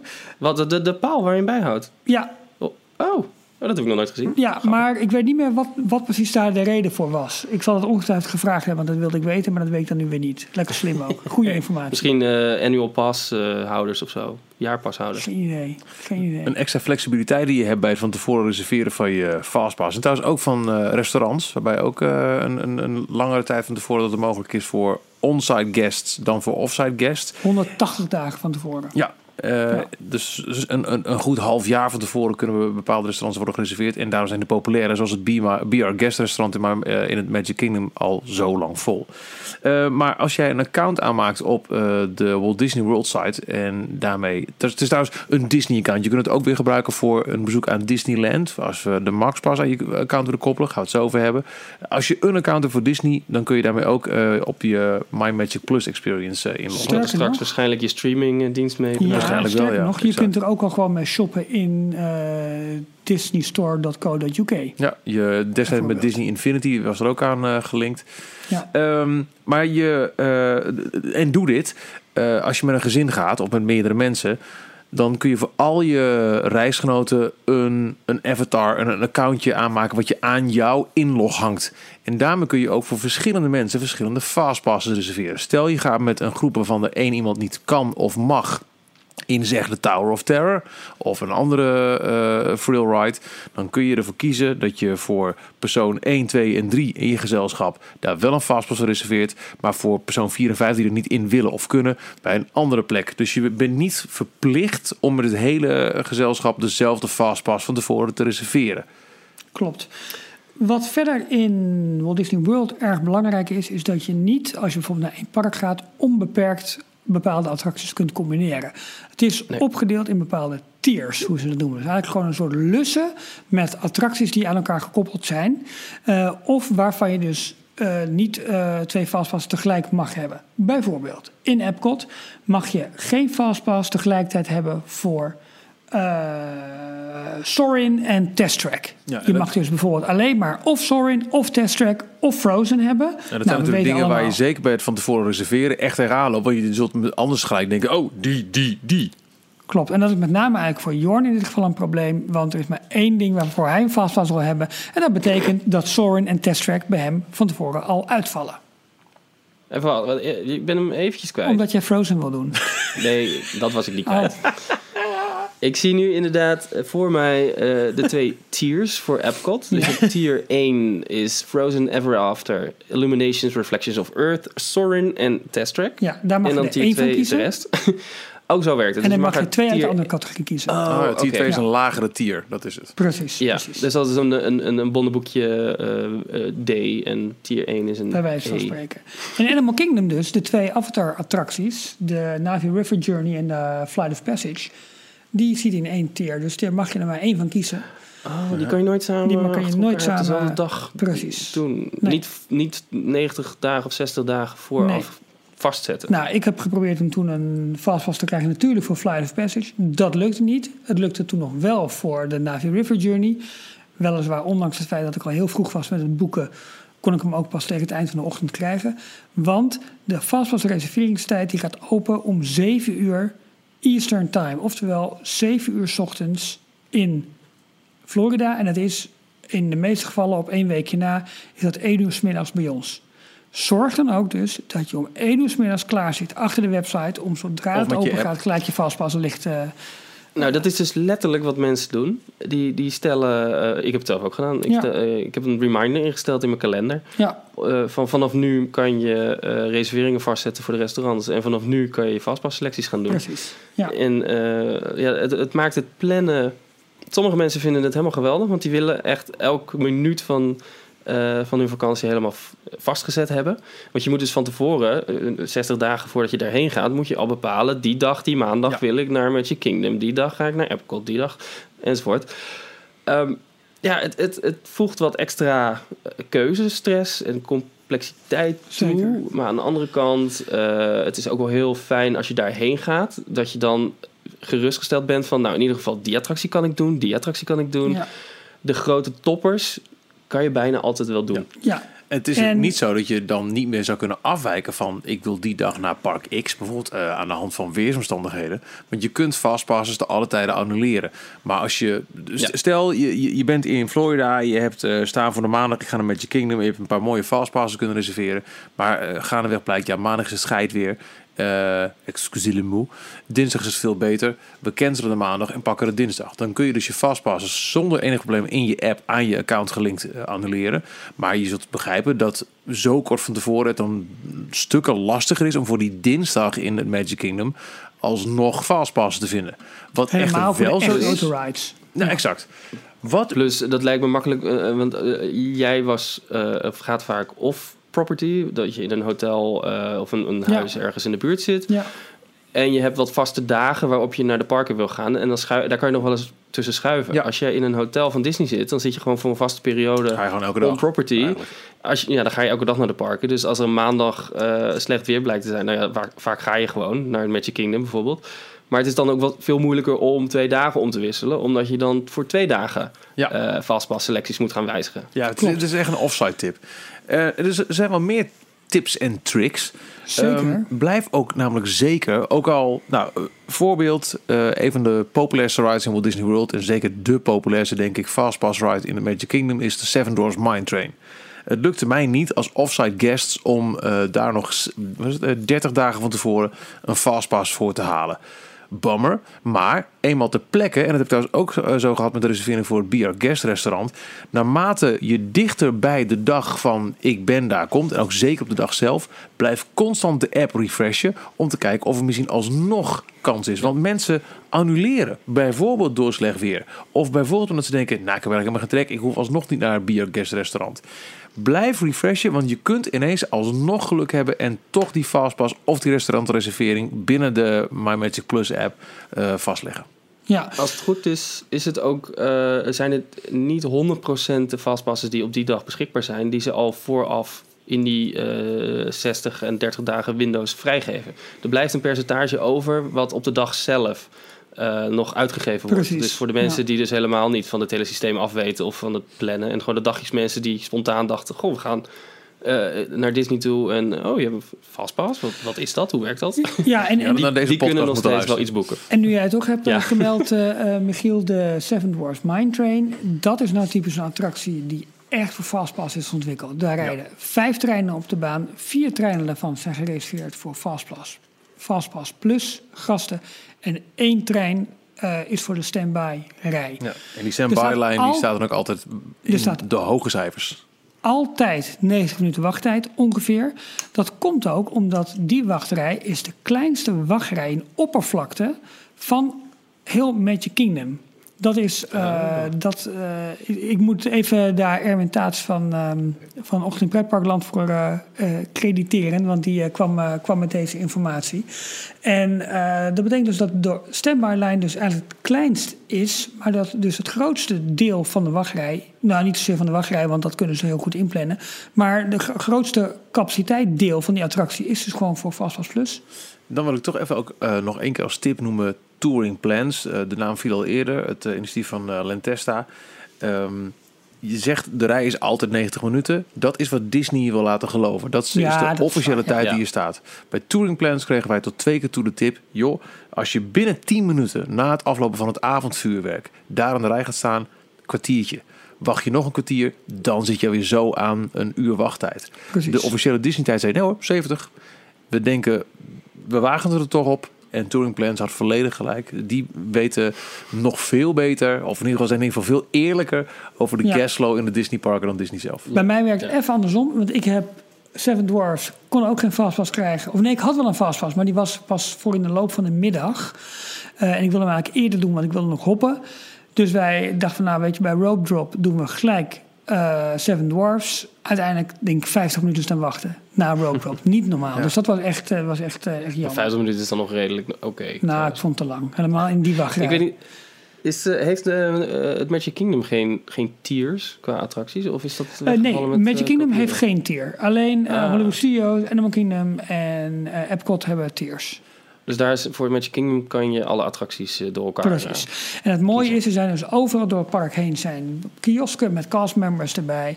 Eh, sowieso is eh, klantenservice daar met Fastpass met alles is fantastisch geregeld. Bijvoorbeeld ook in Magic, eh, of in, in Walt Disney World. Op het moment dat jij een Fastpass hebt voor een attractie en die valt uit... Dan krijg jij een, een, een, een eh, dan is sowieso jouw fastpass voor die attractie is de hele dag geldig. Maar niet alleen voor die attractie. Je mag dan een willekeurige andere attractie uitzoeken. Soms helemaal vrij. Soms ook mag je een aantal andere attracties kiezen. Maar bij mij weten is het, er valt een attractie uit. Dan mag je je fastpass inzetten voor willekeurig welke andere attractie je ook zou willen. Nog een strategietip. Hebben jullie- Sorry, ga je gang. Ja, hebben jullie wel eens een eh Fastpass ingezet voor een show? Eh, Ik zie eh, bijvoorbeeld Epcot. Illuminations ertussen staan. eh, Animal Kingdom Rivers of Light. Ehm, Alleen in Anaheim heb ik de World of Color ermee bezocht. Ja, ik ook. ja. maar dat is een los, dat is een los Ja, iets. dus- dat is, dus- eh, nee, verder dat, dat niet. staat los van het hele Fastpass, Maxpass eh, systeem. Nee. Maar Jij? nee, ik heb het ook eh, inderdaad... Nee, ik ook niet. Nee, ik, ik probeer het ten volle te benutten voor, eh, voor zoveel mogelijk attracties. En eh, shows kan je altijd wel zien. En dan, dan sta je misschien maar iets minder goed. Maar dat, Desnoods kun je nog dat resulteren naar een speciaal dinnerpack. Of Ja. dinner packet, sorry. ja, ja. Nog een eh, strategietip, en die heb ik ook, ook weer een props richting ehm, eh, eh, Ochtend in Pretparkland. Eh, die hebben een eh, jaar of twee geleden ook een, eh, een podcast gemaakt over eh fastpass strategie voor Orlando. En daar heb ik heel veel profijt van gehad in mijn eh, Orlando vakantie van 2016. Ehm, voor welk dagdeel moet je nou die drie fastpasses die je van tevoren kunt reserveren gaan inzetten? Sowieso niet in de ochtenduren. De ochtenduren, als je een beetje slim naar die parken gaat, sta je gewoon zo vroeg mogelijk aan, aan, aan de parktoegang. Dat is denk ik een, een universele regel voor iedereen die naar een pretpark gaat. Ga vroeg, want in die ochtenduren zegt tussen, nou, laat een park om 9 uur open gaan, tussen 9 en 11, 12. Dan pak je echt vol op eh, de capaciteit, omdat mensen gewoon nog niet zo snel het park binnen gaan. Dus ga niet je fastpass voor die ochtenduren inzetten. Dat is zonde. Dan is er een tweedeling. Ga je dan voor het begin van de middag of voor de avond inzetten? Als je offsite guest bent, zul je wat sneller, tenminste dat is mijn persoonlijke ervaring, een hele dag in een park verblijven. Dus ik heb mijn fastpasses telkens van een uur of 12 's middags in proberen te zetten. On-site guests die langere tijd in Orlando verblijven, zullen wat eerder kunnen kiezen voor een ritme. Weet je wat, jongens? We gaan 's ochtends naar het park, dan pakken we lekker wat attracties. Dan gaan we op het warmst van de dag, midden op de dag, terug naar ons resort en lekker bij het zwembad hangen. Om s'avonds weer, al dan niet in hetzelfde park, terug te keren. En dan pak je juist weer het einde van de middag, begin van de avond voor je fastpass reserveringen. Dus ben je een hele dag in een park, zet dan je drie reserveringen in voor begin van de middag weet je al van tevoren. Ik ben in de middag juist eventjes uit het park. Zet ze dan in voor het begin van de avond. Maar eigenlijk nooit, tenzij eerste kerstdag, nooit voor de ochtenduren. Want dat is 9 van de 10 keer zonde van je vastpas. Precies. Ik heb het toen wel gedaan. Ik Oh, wat zijn we. Oh! Voor, voor Pandora. Nee, ja, logisch. Want dat, dat, is, dat is eigenlijk... Oh ja, dat, dat, dat was zeker de het eerste jaar uitzondering. altijd eerste kerstdag. Precies, precies. Ja, dat klopt. En ik denk dadelijk eh, ehm, Galaxy's Edge met de twee eh, Millennium Falcon en de ehm, First Order attractie. Dat Hè, zullen ook wel wat- twee. Zijn eh, ze iets aan het bouwen? ze zijn iets aan het bouwen, ja, volgens mij wel. Jongen, ik moet me echt... Maar dat zullen ook wel twee, eh, twee grote publiekstrekkers worden. En ik ben heel benieuwd hoe ze dat gaan aanpakken. Of ze daar iets aparts mee gaan doen in Florida. En of het ehm, verlichtend werkt op Flight of Passage. Ik moet me echt inhouden om nu niet allemaal verhalen over Star Wars te gaan Heel goed. Want, ah, Ehm, ik hou ook mee. handig om We te gaan- weten. En dat is Oh, zeker een, een goede richting Anaheim. De app waar we het ook eens over hebben, waarmee je dus eh, met je telefoon gewoon constant nieuwe fastpass kan bijhalen. Op basis van beschikbaarheid naarmate, eh, nadat je eerste drie gereserveerden zijn verlopen. In alle parken in het Walt Disney World Resort is de wifi eigenlijk gewoon Ja. fantastisch. Er zijn een paar Ja. spots dat je denkt, mie, mie. Ik weet nog zo vlak bij Big Thunder Mountain met je kinderen. Bij uh, eens Muppets. Courtyard? Of wat? Zei je? Bij Muppets Courtyard? Eh, nee, eh, daar weet ik het niet. Maar over het algemeen is de wifi daar heel goed. Dus ook al zou je geen ehm ehm eh, MiFi of, of een, een goede buitenlandbundel hebben afgesloten, weet dat je je in de Disneyparken in Orlando prima kunt redden. Dit in tegenstelling tot Anaheim, waar Ja. naast de oldschool Fastpass sinds kort ook de Max Pass verkrijgbaar is. En ik verwacht eigenlijk dat we die variant snel in Parijs zullen zien. Dat denk ik ook. Nou, Michiel, leg uit. Wat is Max Pass of Max Pass? Nou. Of, Vooropgesteld, er is dus daar nog steeds de old school fastpass zoals we die ook in Parijs hebben. Met je toegangskaartje, papieren kaartje, terugkeertijd, succes. Ja, wel, wel anders. Ehm, eh, het staat op je toegangsticket. En je, je scant Ja. dus inderdaad ook eh, de barcode op je toegangsticket bij de machines en bij de ingang van de fastpass tickets. En eigenlijk de tickets zelf die uit de machine komen, dat zijn dus souvenir. dat is een souvenir, die kan je weggooien. hoef je niet meer eh, in te leveren. Dat is wel een, een, een klein verschil ten opzichte van Parijs. In 2017 is in Disneyland Anaheim Max Pass geïntroduceerd. Dit is nog steeds op testbasis en gedurende die testfase kost dit 10 dollar per persoon per dag. Dus als jij met een gezin van 4 naar Disneyland of naar DCA gaat, dan zou je voor een subcharge van 40 dollar gebruik kunnen maken van Max Pass. Dat heeft de volgende voordelen. Alle Fastpass attracties zijn via de app te reserveren. Je hoeft dus niet naar de attractie zelf om daar bij het toegangspoortje je kaartje te scannen. Je kunt met je telefoon, waar je ook in het resort bent, van tevoren al een Fastpass reserveren. Ja, je moet wel aanwezig zijn of binnen in het park zijn, Ja. dacht ik. Je kunt Ja. niet van tevoren reserveren, al helemaal niet zoveel Nee. dagen van tevoren. En je kunt ook niet zeggen, stel je zit in LA en je weet ik ga smiddags lekker naar Disneyland, kun je niet 's ochtends al een fastpassje reserveren. Je moet in het park zijn, dus eh, dat wordt helemaal op, eh, op, op locatiebasis eh, voor je bepaald. Maar, Ja, je toegangsticket moet volgens mij geldig zijn. maar je mag wel Gebruikt voor zijn. het andere park boeken. Wel. Dus je mag wel, als je Ja, binnen het resort. Ja. Ja, California Adventure bent, mag je een fastpass ticket scoren voor Disneyland en weer terug en weer heen en weer. ja. Oké. Extra voordeel is, en je zou kunnen overwegen als je denkt, nou, ik heb die Fastpass toegang niet nodig. In de 10 dollar zit ook onbeperkt fotopas begrepen. Dat is dus als je ergens een officiële Disney-fotograaf ziet staan, die maakt een mooie foto van jou met, eh, met je gezelschap bij het kasteel of bij, nou, noem maar op. Die komt ook gelijk binnen je eh, Disney-account in de app als high-res downloadable foto. En ook alle on-ride foto's zitten daar ehm, bij in. Je moet wel eventjes actief nog eh, je, je pasje laten zien.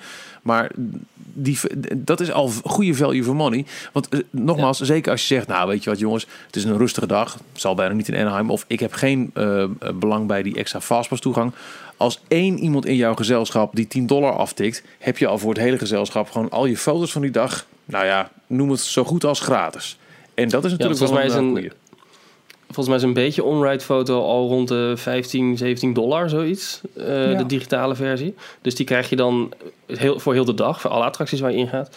Ben je nou echt een character fan en wil je met alle eh, Disney personages op de foto, dan is het helemaal een goede deal. Want dan krijg je dus ook al die foto's van de officiële Disney Pass fotograaf. Ja.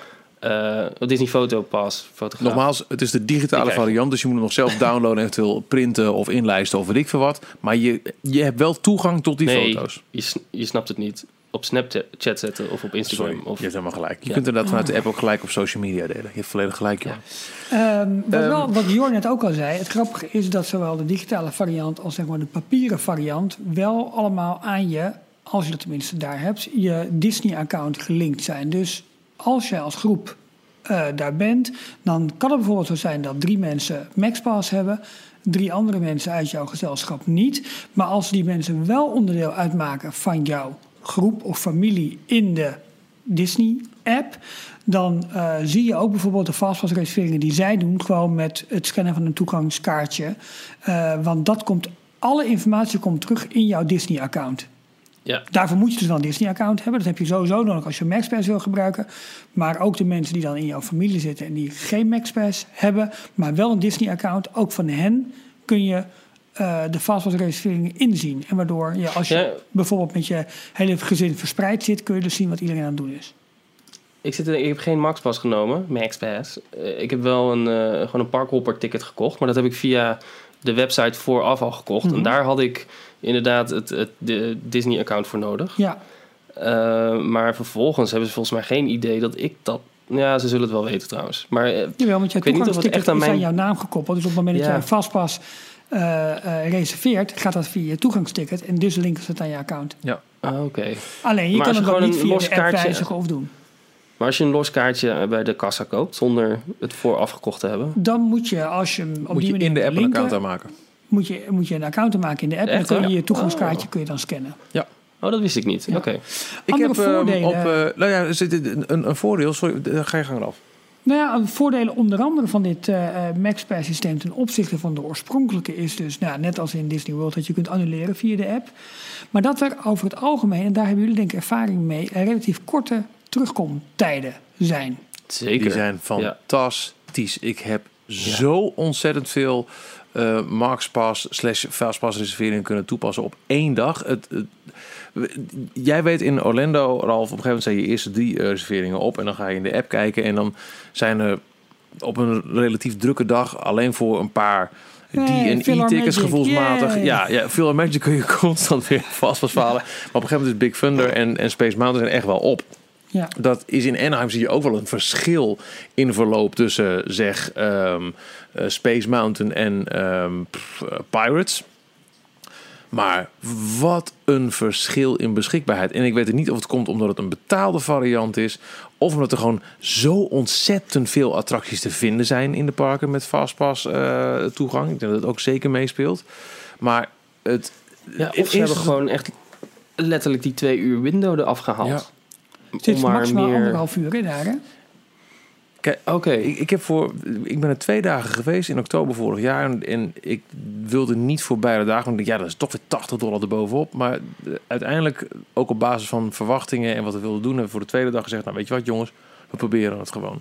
En ik heb met terugwerkende kracht spijt dat ik het niet ook op de In, Ja. ik, hebben het in het Disneyland dag hebben we het gebruikt en niet op de DCA dag. We hadden echt twee gescheiden dagen in beide parken. Het was ongekend hoeveel we ermee hebben gedaan. En we nog een keer extra. eh, dat zal ook wel te maken hebben met het feit dat het nog in een testfase zit. We kregen zeker drie of vier keer op een dag een pushmelding vanuit de app. Hey, gefeliciteerd, je hebt een extra gebruik maar waar je hem wil fastpass gekregen. Ja, tof. Mm. Ehm, ik zei net wel van er zit een window van 90 minuten op, maar jij noemde er net en je had om 9 uur 48 een ticket gekocht en om, om, om 11 uur 48 is de tweede. Dus hmm. Ik heb hier twee voor me liggen. Want ik ben dus. eh, Ik heb geen gebruik gemaakt van. Ik heb gewoon via mijn eh, toegangsticket steeds eh, naar de machines gelopen. En ik heb letterlijk een keer meegemaakt bij de Matterhorn. Daar staat de wachtrij, als die lang is, helemaal aan de Ja. buitenkant van de berg. daar krult hij er helemaal omheen. Hij was wat korter dan dat hij in de middag was. Dus wij zijn er maar in gaan staan. Maar dan kan je heel makkelijk nog over het kettingje heen stappen. Toen dacht ik, weet je wat, ik ga gewoon even kijken bij die vastpasmachines. Of ze nog beschikbaar zijn. Het was vijf over negen. En de vastpasmachines die gaven kwart over negen aan. Dus, eh, en de wachtrij was meer dan 30 minuten. Ja. Dus ja. eh, dat, dat klopte gewoon niet. Dus wij uit de rij, kaartje gehaald. 10 minuten later via de vastpasingang naar binnen. En je zat zo in de attractie. Het is ook zo dat, eh, dat de terugkomtijden ook vaak korter zijn dan de traditionele distributiepunten. Dus dat als je een papieren vastpas haalt, een latere terugkomtijd krijgt dan wanneer je hem helemaal digitaal doet. Oh, dat zou kunnen. Ik heb hier nog drie voor me. Nou, eentje had ik al gezegd. Dus die eh, Radiator Springs Racers. Die was gewoon echt eh 9,48 gehaald. 11,48 mocht ik een nieuwe ophalen. Omdat de terugkomtijd daarna lag. 10 over 1. De andere twee die ik hier heb. eh, daarvan ehm, was gewoon de terugkomtijd zoveel dichter op eh, die twee uur tijd dat, dat die gewoon verviel. Ik heb 1751 een Soren Fastpass. Die ging, om, eh, die ging een, een, een uur en vier minuten later in. Dus dat was ook de tijdstip waarop ik een nieuwe kon halen. En een Midway Mania van 1248, die om tien over twee inging. Ook minder dan twee uur. En inderdaad vanaf tien over twee kon ik ook al een nieuwe Fastpass ergens halen. ja. Ik heb hier een voor Big Thunder Mountain. En dat maak je in Parijs ook niet mee. Om half acht gehaald. Voor een tijd tussen kwart voor acht en kwart voor negen. Ja. Wauw. Ja, goud. Ja, echt. Als je naar Anaheim, gaat en eh, de, de, de- onderzoek sowieso eventjes wat de mogelijkheden zijn van Max Pass ten tijde van je bezoek. Want die, die, Disney communiceert gewoon heel duidelijk... de prijs nu van 10 dollar per persoon per dag is gedurende de testfase. Dus ze willen ook Ja. gaan kijken welke value for money kunnen we er zelf uithalen. Maar ik vond dit zeer zeker value for money. Nou, voordat De enige we... attractie waar ik het echt goed nodig heb gehad is voor eh, Guardians of the Galaxy. En jij was ook in de Halloween-periode nog. Met die Dat eh, was switch. dus de periode dat ze hem halverwege de dag gingen switchen naar Monsters After Dark. Wat betekende dat eigenlijk de attractie, de normale versie, om vijf uur al dicht ging. Eh, dus de fastpasses ook maar tot vijf uur gingen. En daardoor die al heel snel weg waren. Mede doordat het een nieuwe attractie is en die eentje die heel populair is onder de, vooral de jeugd. Ehm, daar gingen dus heel snel de fastpassers voorbij. En eh, vervolgens moest je om, wat, hoe zat het? Om rond drie uur geloof ik, moest je weer opnieuw in de rij gaan staan. Voor een fastpass voor Monsters After Dark, voor de avondvariant. Ehm, en daar stond ook echt een enorme rij alleen al om de fastpass op te halen. Ja, klopt. Dat was echt niet normaal. Maar dat, dat, is, dat is echt Anaheim, hè, met al zijn annual persholders. Die eh, zeker na werktijd nog een keer extra komen. En voor al deze extra exclusieve attracties. Ook de Haunted Mansion, eh Nightmare Before Christmas en zo. Met, met liefde al die tijd in de, in, in de rij gaan staan. Voordat we naar de Aziatische parken toe gaan, die iets minder beschrijving eh, denk ik nodig hebben, maar eh, is het wel belangrijk denk ik dat, ehm, ehm, wat wil ik zeggen, Ehm, dat eigenlijk dus de Fastpass ontwikkeld is vanuit het, de gastbeleving om die te optimaliseren. Maar waar je nu ziet met Fastpass Plus en ook wel MaxPass is het wel echt ook een tool geworden voor Disney Park Management om bezoekersstromen te reguleren, mensen optimaal in parken te laten lopen, meer te kunnen laten doen, meer te laten besteden. Dus het is eh, inmiddels doet het net zoveel. ehm, eh, Voor Disney als voor doet de het- klant. d- d- Ja. Sorry? Net zo voor Disney als voor de bezoeker. Dat, eh, dankjewel. Eh, er zijn ook verhalen ook- bekend van als Disney merkt, joh, dat eh, in de rechterkant van het park is het heel rustig en alles is links, dat ze dan die, die bonus fastpasses in de app, hey plonk, je hebt een extra fastpass van Space Mountain, ga lekker. Om die manier mensen ook gewoon min of meer met een zachte hand te dwingen, joh, ga ook eens aan de andere kant van het park om op die manier precies. die gasflow eh, te reguleren. Ik denk, Ik denk ook dat het een goede eh, boost is voor het hele fotopas gebeuren, het hele fotopas systeem. Dat krijg je er nu zeg maar gratis bij. Eh, en ik vroeg me nog af, eh, want jij je, had het er net heel kort al over, Michiel. Eh, jij verwacht wel dat Max Pass naar Parijs gaat komen? Ja, ik denk het wel. Om twee redenen. Ehm, reden 1. er zal niet snel een wearable meer worden ontwikkeld voor Disney Parken, heeft Robert Iger gezegd. Dus die Magic Band, die zie ik niet gebeuren. Ehm, regel 2 is, we zien overal wel dat nu RFID wordt eh, doorgevoerd in de Disney Parken. De toegangspoortjes zijn ermee uitgerust. Uh, Star Tours 2, die natuurlijk vrij recent een nieuwe Fastpass uh, paal of kiosk heeft gekregen, dat is ook RFID-enabled. Dat staat er ook gewoon letterlijk Ja, maar, op. En MaxPass heeft niks met RFID te maken. Nee, maar om, daarmee wil ik aangeven, ze, ze, bereiden zich voor op een digitale variant. Eh, Ja, dat dat bedoel ik eigenlijk. En dat zouden beide varianten kunnen zijn. Maar omdat... Ja, er waren wat tests met die eh, hotelsleutel. Hè? Dat, dat al de, de, de, de hele papierwinkel die nu krijgt, allerlei envelopjes als je incheckt bij je hotel. Daar, daar hebben ze eh, wat oplossingen voor om dat allemaal op een digitale pas te zetten. Maar dat hebben ze nog niet zo ver doorgevoerd tot dat ook meteen je fastpass. Ik Nee, denk, ja. gezien de immense omvang van My Magic Plus in Orlando, waar natuurlijk ook veel meer attracties, restaurants en hotels onder vallen, dat een wat kleinschalige initiatief als MaxPass, dat ook in Anaheim is uitgerold, eerder zal worden getest in Parijs dan ehm Fastpass Plus. Maar dat is mijn persoonlijke Oh. interpretatie. Dat denk ik ook. Ja. En een voordeel slash nadeel eh, van het MaxPass en Fastpass Plus systemen, van die twee uitrol, eh, eh, de, de, van de uitrol van die twee systemen, is dat, dat ze veel meer attracties hebben toegevoegd aan het netwerk. Dus Ja. er zijn nu ook, vooral in Anaheim, een aantal attracties erbij gedaan die daarvoor niet een Fastpass eh, ingang hadden of Fastpass optie. En dat is volgens mij puur gedaan om eh, gewoon meer capaciteit aan te bieden en ook meer waar voor je geld voor mensen die betalen voor MaxPass, zodat zij meer attracties daarmee kunnen doen. Maar misschien zit er nog een andere reden achter. Weet jij dat, Ralf? Ehm, nee, ja, ik denk een nog grotere spreiding en, eh, en, en, en beheersing van guestflow, denk ik. Ja, want Maar het, ik- het ik heeft negatieve gevolgen voor de, de wachtrijen die dan bij die attracties staan, de normale wachtrijen. Precies, want dat worden dan ook standby rijden. Zoals Ja, de Haunted Mansion, daar hebben ze hem aan toegevoegd. precies. Ja. eh, sinds MaxPass. Ja. En dat eh, zorgt ervoor dat de normale wachtrij daarvan eh, een stuk langer is. Maar ik denk dat het met de opening van één nieuw themagebied we de volle potentie van dit soort systemen gaan, gaan ontdekken. En dan heb ik het natuurlijk over. Komt u maar. Ja. Eén groot nieuw themagebied wat ze gaan toevoegen. Oh, eh, ja, Wat? Galaxy's Edge. Ant-Man Land. En Oh. Mainland. Eh, Sorry. Eh, de Aziatische parken. We, we hebben daar Zeker. zelf het minst eh, ervaring mee. Jorn wel met eh Tokyo Disney Sea. Oh, vertel meer. Ehm, Ja. Hoe werkt Fastpass in... in- Laten we beginnen met Hongkong. Ja, maar in Hongkong is het eigenlijk het meest simpel. Het u- eh, The usual. ja, Tokio ook, toch? Maar denk eens, jongens, zeg eens even. In Hongkong, even uit de losse pols. Hoeveel attracties kun je daar een fastpass voor halen? Vier. Oeh, Mystic Manor, eh, Br- Die, die Grizzly, Girls. River, ja. eh, bla bla bla.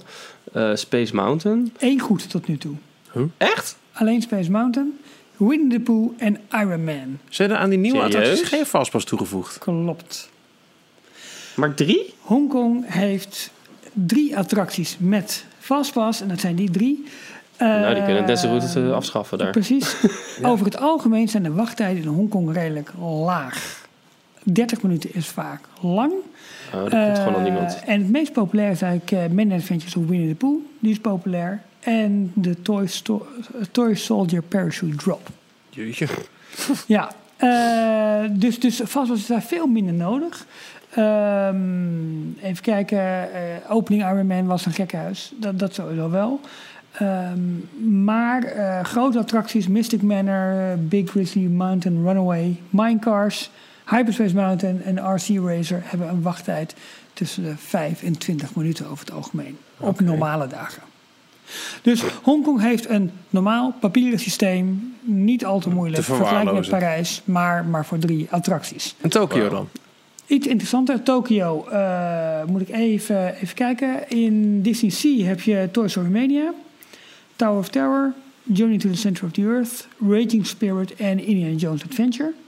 En in Tokyo Disneyland is het Winnie the Pooh's Honey Hunt, Splash Mountain, Space Mountain, Buzz Lightyear Astro Blaster en Monsters Inc. Valt mee relatief. Ja, Ja. en wat je Maar vergelijkbaar met Parijs. wel. ziet, echt een van de allerpopulairste attracties is onder andere Toy Story Midway Mania in Disney Ja. Sea. Bij opening van het park staat er een wachtrij van 30 minuten. En dat is niet voor de attractie, maar dat is om een fastpass te krijgen voor de attractie. Ehm, sowieso hebben we al eerder gezegd, Tokio moet je een uur van tevoren zijn voor opening van het park om, ehm, ja, om, om je eerste selecties goed en snel te kunnen maken. Want daar gaat het dus ook ehm, eh, vi- via, via normale fastpass kiosken eigenlijk. Eh, dan weet ik niet, Jorn, zijn dat centrale kiosken of zijn dat kiosken bij de attracties zelf? Oeh, het is voor mij wel heel lang geleden al. En ik dacht dat ze gewoon bij de attractie zelf stonden. Oké. Maar ik, ik was toen ook nog veel minder eh, bekend met het hele systeem. Dus ik, ik weet niet meer wat ik daar gedaan heb. Hmm, Oké. Het is 2005 geweest, hè? Dus dat Ja, is al dat is eh, waar, ja. 12 jaar geleden. In ieder geval, eh, 13 al ook, daar geldt weer, check inderdaad je terugkomt of je, je, je tijd op je ticket geprint dat je een nieuwe fastpass kunt gaan halen. Over het algemeen, die maximale tijd is twee uur, maar soms is het ook maar een uur dat je alweer een nieuwe kunt, eh, kunt, gaan, kunt gaan halen. Maar de Japanners die maken er wel gebruik van. Ja, Want Ja, die zijn nou, ook heel erg gek op gewoon in de wachtrij gaan staan, volgens mij. Die gaan al drie uur voordat een parade begint, gaan ze op de grond liggen. jawel, zitten. maar het feit dat... dat Maar misschien wel met een fastpass op zak voor een, een ride later. Oh ja. Ja, het feit dat er echt een, een lange wachtrij staat voor het krijgen van een fastpass voor Midway Ja. Wow, dat zegt ook wel, wel wat. Ehm, maar ook daar is het zeg maar het redelijk normale systeem. Ik dacht eigenlijk, maar dat weet ik dus niet helemaal zeker, dat in alle Aziatische parken dat er dus centrale kiosken zijn en dus geen distributie bij de attractie zelf. Maar dat weet ik niet helemaal zeker. Nee, ik durf het ook niet 100% zekerheid te zeggen. Maar ik, ik ben dus alleen daarvan in Tokyo Disney Sea geweest. En ik meen me te herinneren dat dat gewoon bij de attractie zelf was. Ja. Die attracties die ik net trouwens opnoemde van Tokio zijn de must-haves. Dus misschien, dat, het kan zijn dat daar, dat daar meerdere attracties nog met fastpass zijn uitgerust. Dit zijn de, de, de must-haves die zeg maar de, onder andere Tokyo Disney Explorer heet het volgens mij, TDR Explorer. eh, als, als, eh, als echte must-do's. eh, Ik vraag me trouwens wel af of het überhaupt wel al eh, beschikbaar was in 2005. In Tokyo. dat weet ik ook niet. Blijft eh, Shanghai open en dat is interessant, want dat is een van de weinige parken die is eh, gebouwd. Volledig ehm, in een door fastpass-driven Disney economy. Ja, en wat, wat is naar jullie idee daar een van de meest interessante attracties om te doen? In Shanghai. Ja? Tron? Eh, Pirates of the Caribbean Ja. of Tron? Ja, maar Pirates heeft dus geen fastpass. Oh. Mhm.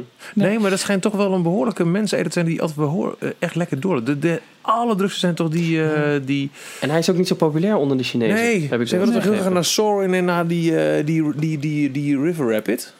Ja, volgens Ja. mij wel. Met name Sorin is echt mega populair daar. Ja. Ehm, ze hebben daar dus eh, eh, centrale fastpasskiosken in Tomorrowland, Adventure Isle, Fantasyland West en Fantasyland East. En daar kun je dus fastpassen halen voor, eh, voor, de, voor de attracties. Ehm, ja, tip.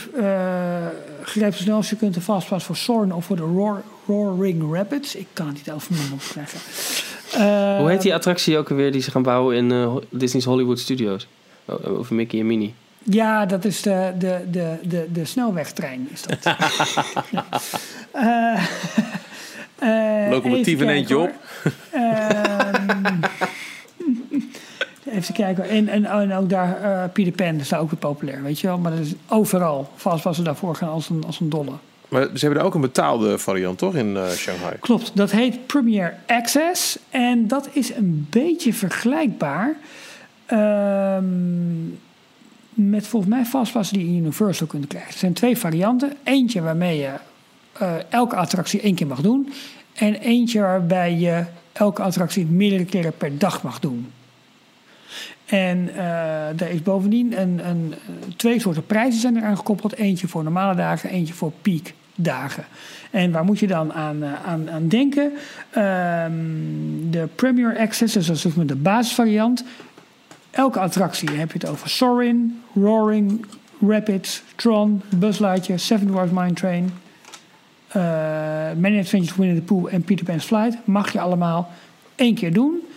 Kost op piekdagen 22 dollar, eh, US dollar. Eh, en op normale dagen 17. Maar dat is En dus als je 17 dollar voor één attractie fastpass toegang. Nee, voor, om ze allemaal één keer te mogen doen. Oké. Dus je, je mag één keer Soarin doen, één keer Roarin, één keer... Dat is Ja? hoe ik het heb begrepen. Want, want dat is de Premier Access. Maar je hebt ook Ja. een Premier Access set. Ja. This allows you to ride all the attraction lists above once.